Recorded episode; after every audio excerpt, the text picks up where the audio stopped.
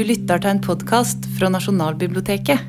Velkommen til en formiddag i Svartmetallens tegn. Jeg heter Lars Hagarovan og jobber med arrangement her på huset. Stereotypier og fordommer kan være både til nytte og til glede. Så hvorfor ikke feire dem med en liten festtale? Tidligere har vi sett på Kulturtanta i sine fargerike gevanter og Birkenmannen i sin tøyte kondomdress. Og nå har turen kommet til svartmetalleren.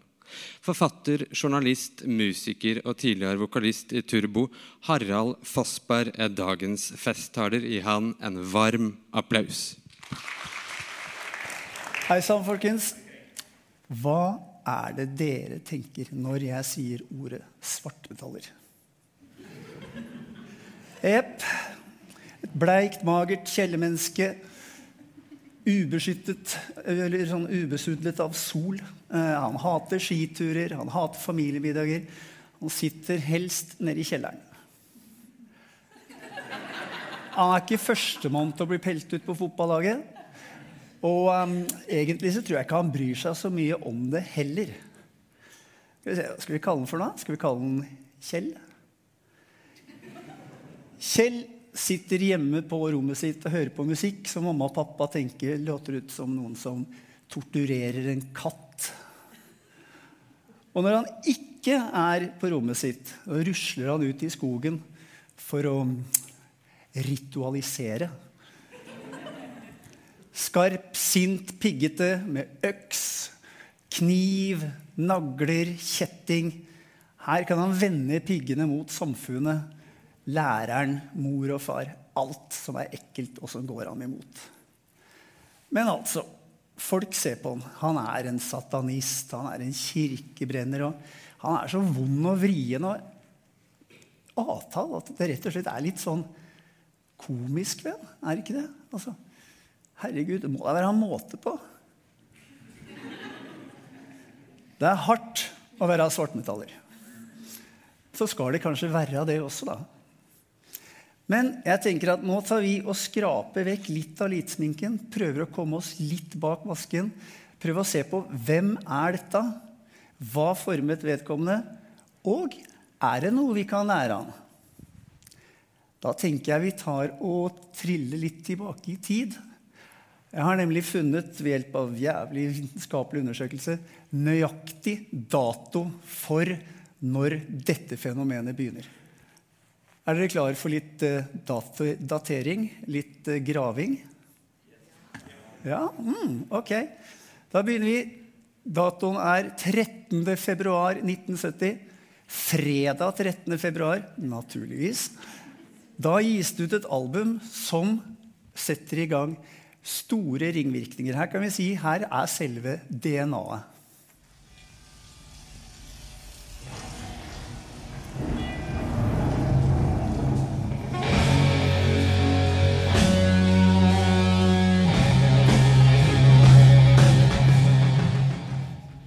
Oh, der kutter vi inn, for det er visst noen strømmefolk som er ute etter oss hvis vi holder på for lenge.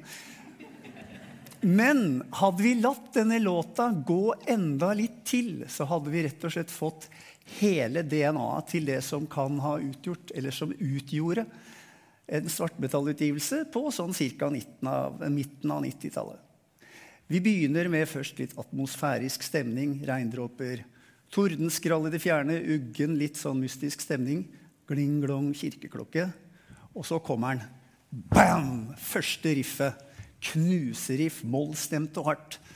Og det går og går, og det kverner, og du kjenner liksom at uh, griper deg litt. Litt sånn som hun dama på bildet. Litt sånn au, da. Hva er det som skjer? Og så kommer vokalisten inn. What is this that stands before me? Figure in black which points at me. Der er vi i gang. Dette er eh, rett og slett hardt og brutalt, sånn som det skal være. Black Sabbath er rollemodellen for all metal som kommer. La meg presentere fra venstre en bassist med sans for det okkulte og skrekkfilmer. En gitarist som har fått kutta av seg fingrene på ene hånda en arbeidsulykke og følgelig må stemme ned gitaren for å gjøre den enda mer skummel og gruggen. Oi, oi, oi, der var den tilbake. Sånn. Fysj. En trommeslager som er tight but loose. Og en vokalist som mm, ikke akkurat er Enrico Caruso eller Ronny James Dio, men som utnytter de begrensa stemmeressursene han har, til maks.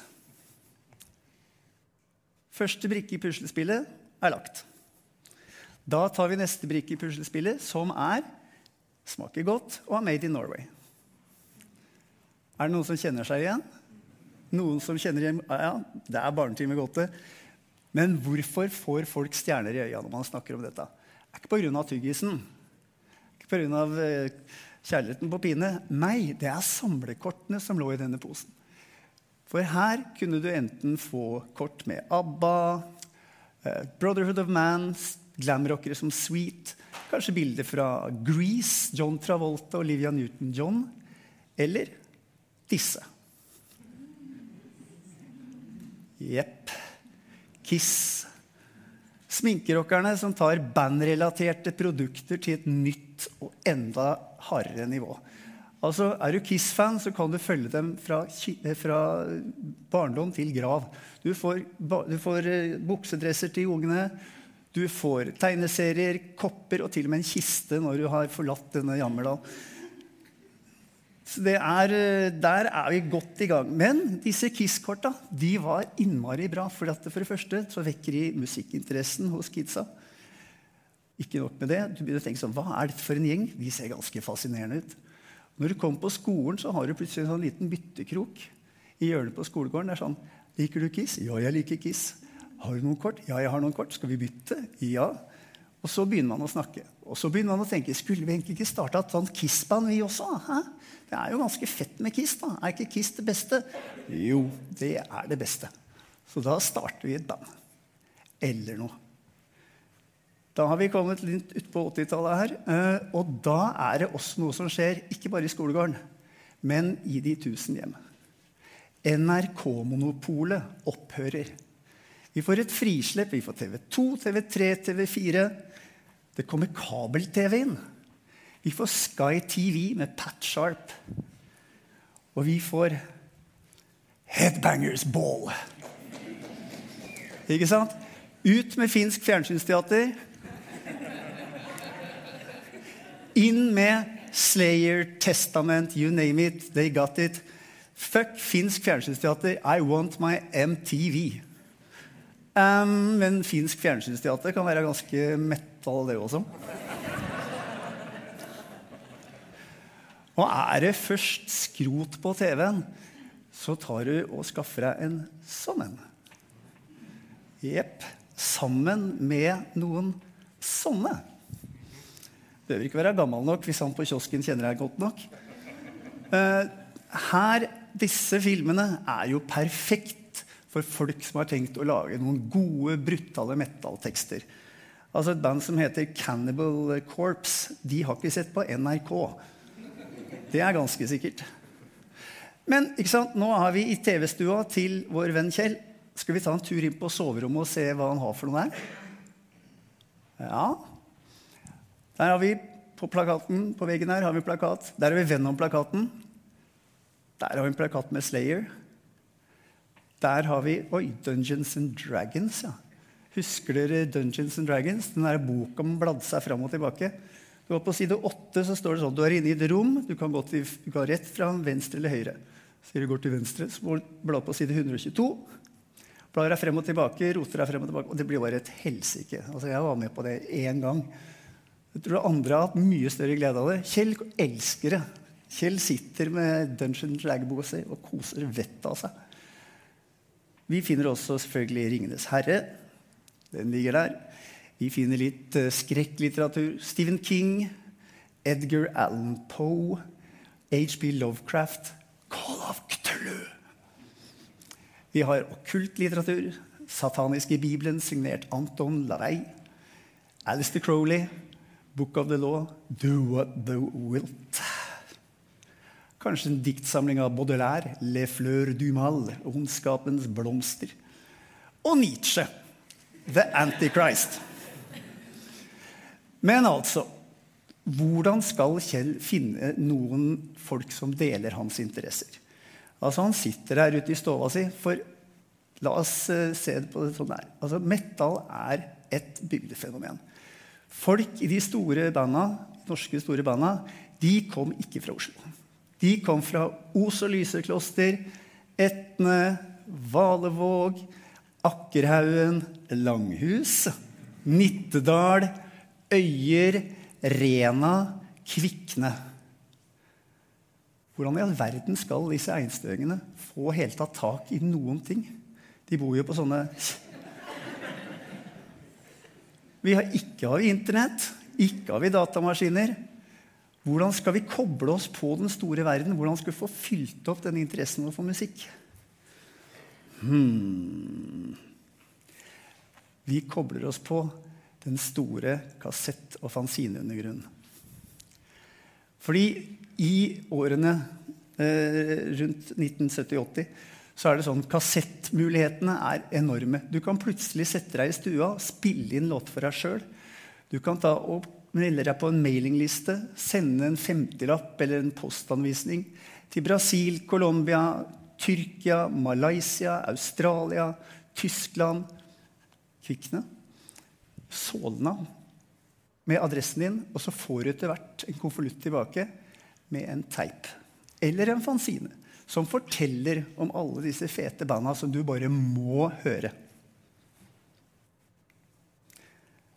Hvis du er eh, litt dårlig råd, så kan du jo også ta og fikse litt på, eh, på frimerkene. Du tar litt Pelifix. Tynt lag oppå. Sender, sender på brevet. Kommer tilbake, så skriver du 'Please return stamps'. Du får tilbake fanzina, du får tilbake en teip med det bandet du elsker. Og så tar du og skraper av. Eh, tar av den der poststempelet. Vips! Resirkulering. Gjenbruk på sitt fineste. Eh, postmesteren i bygda er kanskje ikke helt enig med deg, men du har spart masse ukepenger, og du greier å skaffe deg litt mer skiver for dem. Ja takk. Nå er det sånn at Kjell han tenker sånn at eh, jeg vil være en del av dette. Så han kaller seg for Lord Tyrant. Han lager bandet Sadistic Inferno. Han spiller inn en demo eh, og tar og sender den av gårde til en fanzinemaker. Her er han ute i skogen og gjort seg klar med kappe og krusifiks. Skal virkelig ta og klemme til. Han sender den til denne fanzina her. All bands guaranteed a review. Da sier jeg bare én ting. Be careful what you wish for. Fordi at folka som har fanziner, de er ikke musikkjournalister med tweedjakke og pipe. De har ikke styrt av redaktørplakaten. Her snakker vi om kids i alderen 14, nei, 14, 16 til 20 år. Med tidvis ganske sterke meninger som de ikke nøler med å gi uttrykk for. Så da legger du inn kassetten din, og så er det sånn der, hvis du er heldig, så er det sånn Sadistic Inferno is the best fucking thing in the universe. Beatles, Stones and Elvis are shit. Enjoy this band immensely. Eller så er det bare sånn Oh my God, this band is the worst band ever. Please kill them.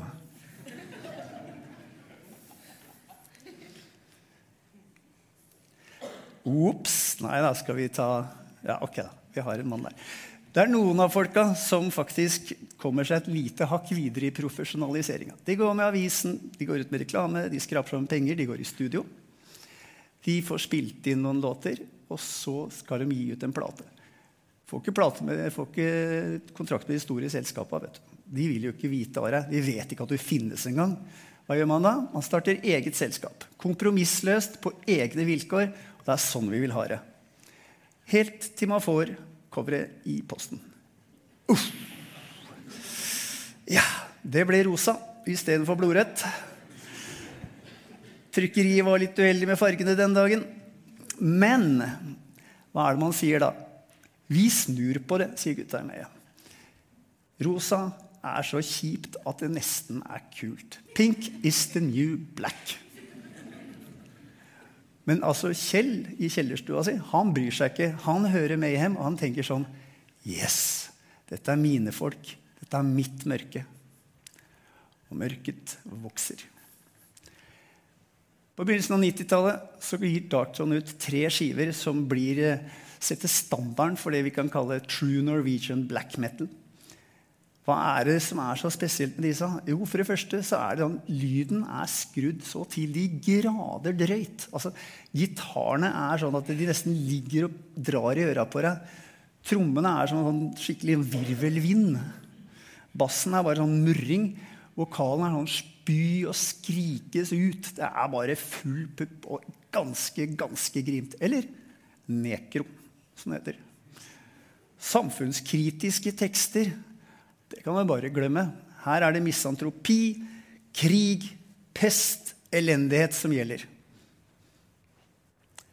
Ja Skal vi, skal ta, litt, eh, skal vi ta litt diktopplesning her, folkens? Er dere klare for det? Ja, skal vi se Der. Vi begynner. Altså, dette er fra da den kristne satte livet til Dark Throne. Nei, Dark Throne, sier jeg. Dimmu. Nå kommer folka til å drepe meg.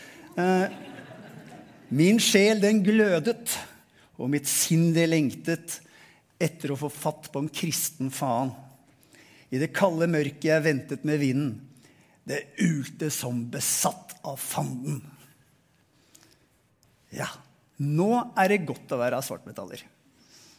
Miljøet blir større, kommer flere og flere skiver, og Kjell kjenner seg riktig sånn vel tilpass. Alene sammen med alle andre mørkemennene. Men så I 1992 brenner, eller blir det forsøkt påtent, elleve kirker. Årene etter omtrent like mange. Medlemmer av Mayhem, sentrale medlemmer eh, Per Yngolin Dead tar livet sitt. Øystein Aarsen blir drept. Og politiet og presse begynner å få ferten på disse her rare, svarte folka. Plutselig er han magre, svartkledde typen ikke lenger bare en snåling som de liksom kikker litt sånn oppgitt på. Nå er han farlig. Er han en drapsmann? Er han nazist? Er han misogynist?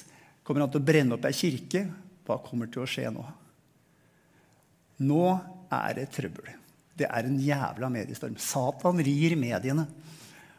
Noen blir fengsla og dømt. Noen tar piggbåndene og patronbeltene, graver dem ned, brenner brevene, klipper av seg håret.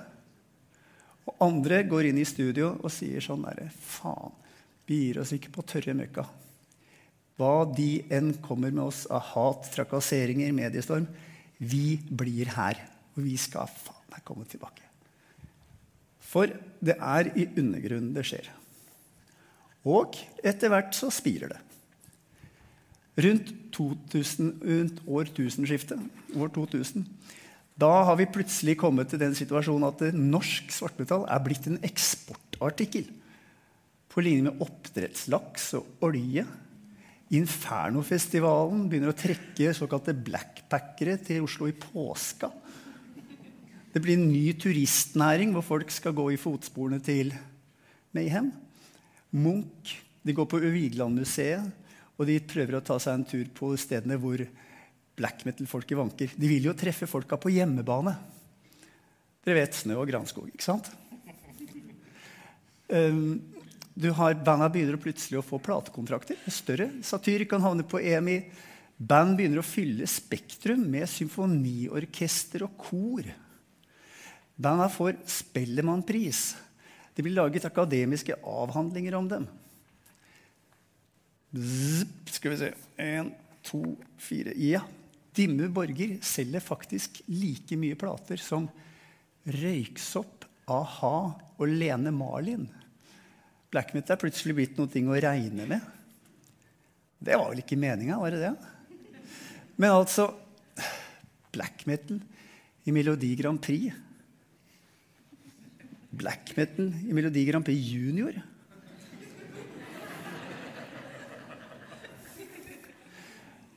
Black metal fortsetter å utvides som sjanger. Nye krefter kommer til. Gamle band utvikler seg. Noen innvikler seg. Og vi begynner å se også at dette er ikke, som mange tror, en gutteklubb av bleke, sinte menn som sitter i et hjørne og skuler mot verden. Band som Witch Club, Satan, Rosa faenskap, artister som Sylvain kommer inn. bredder uttrykket og gir oss flere nyanser av svart. Vi har også band som ja, Enslaved, som da har begynt å utvikle seg mer og mer progressiv retning. Det er faktisk Ivar i Enslaved som sier norsk black metal er som en maraton. Alle begynner på samme sted, og så løper de som faen i hver sin retning.